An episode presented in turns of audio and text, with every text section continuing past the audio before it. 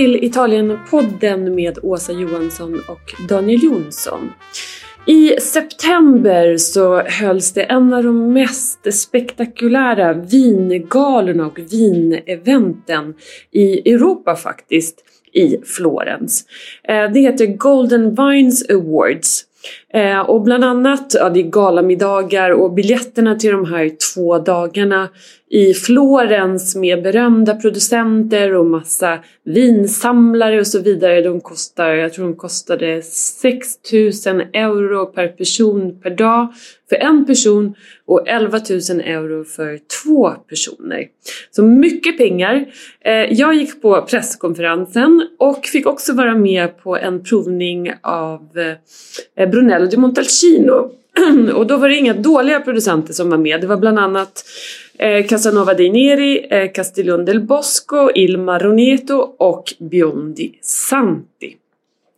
Och efter den här provningen i en av de vackraste salarna i Palazzo Caponi, ett renässanspalats längs floden Arno, så eh, efter den här provningen så, så stoppade jag Giampiero eh, Bertolini som är VD idag för eh, Biondi Santi ehm, och ville fråga lite saker för hur går det till? Vad förändrar man eller hur arbetar man för att eh, klara av att hålla den här klassiska stilen som karaktäriserar Björn Di Santis eh, Brunello di Montalcino. Med klimatförändringar, eh, vingårdar som blir äldre och gamla och så vidare. Hur gör man för att eh, ja, fortsätta vara klassiska? Det vill jag fråga. Eh, lite snabbt bara, lite bakgrund om Bion Biondi Santi. Eh, Biondi Santi eh, och gården Tenuta El Greppo, det är ju platsen där Brunello di Montalcinos historia faktiskt börjar. Eh, och det är en jättevacker villa eh, från 1600-talet eh, som tillhörde Eh, familjen Santi, Biondi Santi och det var i mitten på 1800-talet när Clemente Santi, eh, vid den här tiden så var han en ledande italiensk vinmakare Eh, hade den galna idén att vinifiera Sangiovese på egen hand, alltså 100% Sangiovese. Hans mål var att producera ett fylligt vin för lång lagring. Och hans revolutionära intuition gick tvärt den tidens vinproduktion och det var faktiskt få som trodde på den här idén. Och det första erkännandet det kom 1869 när Clemente vann en medalj på en vinmässa i grannbyn Montepulciano för det röda vin han valt att kalla Brunello. Och det här var också första gången namnet Brunello sågs på ett officiellt dokument. Um, och för att hitta den här fullständiga formuleringen Brunello di Montalcino så skulle det ta nästan 20 år. Uh, och det var 1888 när Ferruccio Biondi Santi, Clementes brorson, producerade den första årgången av det som skulle bli ett av de största vinerna i världen. Och två flaskor av den här mytomspunna årgången 1888 finns faktiskt kvar i Biondi Santis välbevakade vinkällare på Tenuta il Greppo. Och sedan dess har familjen gjort ett unikt bidrag till att bygga upp det rykte som Montalcino-regionen har idag. Till exempel den berömda vintidningen Wine Spectator inkluderade Björn Santis Reserva 1955 bland 1900-talets 12 största viner. Eh, och 1994 så anordnade faktiskt Franco Biondi Santi en unik vertikalprovning för att fira Brunello di Montalcinos 100-årsjubileum som inkluderade en Brunello di Montalcino Reserva från, eller reservor från 1888 till 1988. Lyckos är de som fick vara med om den provningen. Men Franco Biondi han gick bort 2013 och fyra år senare så valde faktiskt hans släktingar att sälja gården till, det franska, till den franska familjen Descour eh, som också äger eh, champagnehuset eh, Heidsbeck eh, och lite andra eh, producenter.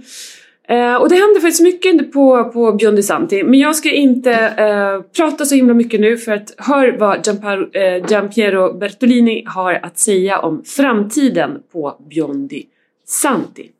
Eh, det är lite stökigt i bakgrunden för som sagt det var precis efter en provning och vi gick in liksom i en liten skrubb Eh, precis bakom köket. Så det är lite slammer i bakgrunden. Men det hör till, tycker vi på Italienpodden. Eh, hoppas ni tycker om det. Vi hörs snart igen. Ciao, ciao!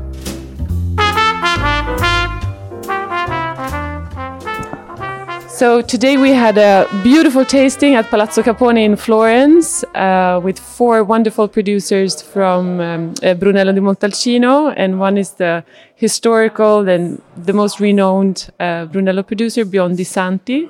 And I'm here with the CEO, um, Giampiero Bertolini, and we were talking about how uh, Biondi Santi is uh, one of the most classical uh, brands in the world and how to stay classical and how um, how you work in the winery um, right now uh, with different solutions how to um, walk into the future with with the same uh, character and elegance that you uh, that characterize your your work.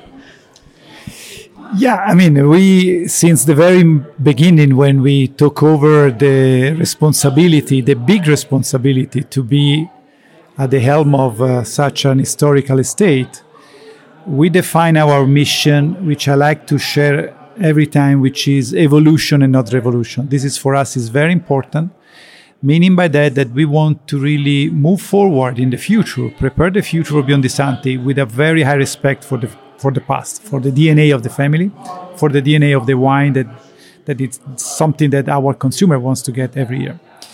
So how are we doing that? It's it's a nice question. We are doing many things. First of all, I would say the concept is really to learn what we have in our vineyard. We have inherited a lot from the family. We work with the family for three years. We blended, we harvested together. So we learn a lot. But now we need to form our own vision, our own background into the vineyard and in the cellar because it's it must be a challenge to have this um, like reputation and people expect a lot for you uh, from you and how to remain classic moving into the future but because you still have to change you can't remain the same. So that must be a challenge how to work that out. This is the biggest challenge that we, we, we faced and we are still facing because at the beginning there was a lot of skepticism about the the French coming to Montalcino and blending with Merlot or something like that? No, not at all. We stay in our Brunello, Sangiovese, and really we want to learn about that. So, how we do is really to learn what I was saying. Uh, we, uh, we want to learn from the soil. We are doing we are doing four different things. One is really to apply a new kind of viticulture to regenerate our organic soil into the vineyard we found vineyards that, generally speaking, in Tuscany are a little bit stressed. And uh, there was no much interest in the past, but not only in Biondi Santi, in every in every state, in in this kind of uh, regenerative agriculture. So what we are doing now is really to recreate the right environment in the vineyard with a cover crop, uh, with a with a, a tailor-made uh, management of each vineyard, which uh, which are all different. We have uh, close to 30 hectares now, and all the 30 hectares are located in five different spots in Montalcino, and each part is different. So we really need to understand each part, how it is, and react accordingly. So first is to change the way we do agriculture. Second point is about the soil. The soil is very heterogeneous in Montalcino. So we started in 2019 a parcellization study with one important consultant from uh, Chile. And uh, this guy came to Greppo at the estate. We scanned all the vineyard, all the hectares with a special machine. Like from, from above, how does that work? Like you no, scan from. No, it's a, it's a, scan which is attached to um, like a motorcycle, and okay. they went around the vineyard, they scanning all the soil. So the, the, the conductivity provides data about the homogeneity or heterogeneity of the soils. So this guy, based on this, uh, defined 32 different points were making big hit pits. And that was the first uh, wave of study. So it came in July. We look at all the 32 pits, which were two meter down in the in the soil, one meter width, and uh, and we found many different kind of soils. And uh, we studied the roots. We studied the, the different uh, kind of soils. And after that, we selected 12 different parcels which were kept separated since then. And now we are following the evolution of this parcel, which represent different kind of soils, which we believe are very good for the future. And so that's the first part about the soil. So learning about the soil, which is going to be at least three, four, five years study. So it's not a very short uh, term study. Uh, the second point, the third point actually is the clone. We are, we have inherited in our very old vineyard, which are from the 1930s, we have inherited a very nice selection of different clones. So since the beginning, since 2017, when we took over the company, the estate, we studied all the clones in those vineyards with the University of Florence, and we selected few of them, something like 15 or 18, I don't remember well the number of clones that we have selected, and we have reproduced now. We are reproducing them. And what, what are you looking for? Because in the past you kind of looked for Sangiovese uh, that had a thick skin with maybe more color, more concentration. But now with climate change, I suppose that is not the case. So what are you looking for in your clones? Well, we are looking for clones that fits well with the study of the soil. So it's going to be a combination of things. And obviously, we are also looking at something which is even more resistant than before. So keep the quality and be more resistant. But the concept is changing at Biondisanti because Biondisanti before has a one single clone, basically, in all the estate, which was selected in the 70s by the family. And now the idea is more to have a selection of more clones, which will become our mix, perfect mix for our soil. So a bigger diversity when it comes to clones, yes. and also when it comes to rootstocks, or uh, that's absolutely yes, absolutely yes. The rootstock is something that also we are studying, taking into consideration the the global warming.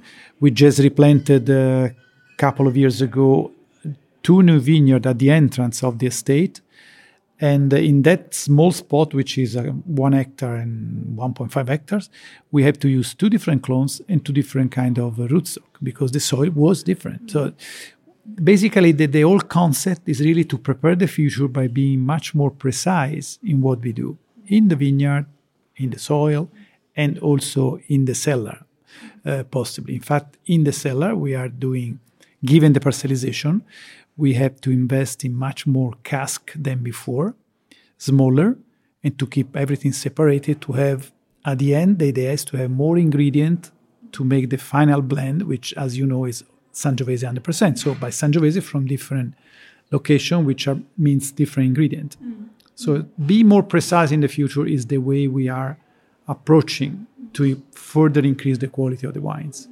Oh, that's that's that's really interesting because I can just imagine like the challenge to enter like a Montalcino is a very traditional place and I remember the the big titles in the magazines when when you came in and Biondisanti, this historical firm but now we have tasted some some of your wines, and I visited your um, the state, and I think you're doing a wonderful, wonderful um, job, and it would be interesting to to follow in the future.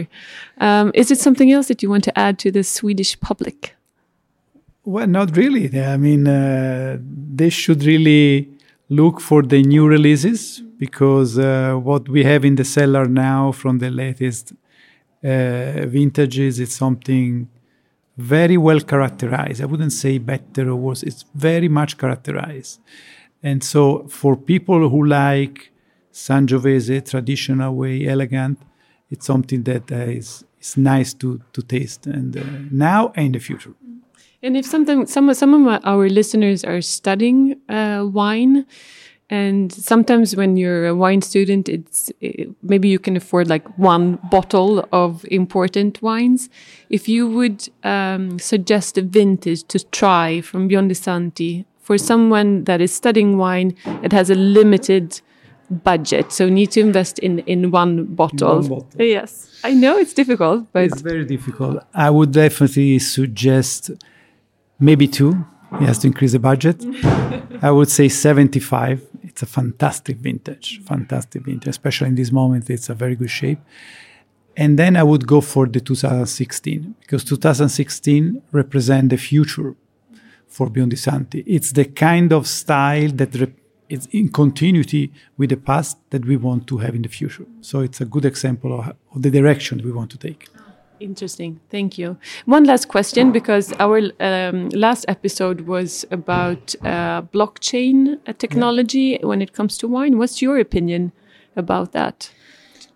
There are a lot of companies now working in that uh, in that area and uh, in the wine business. Uh, new startup applying that.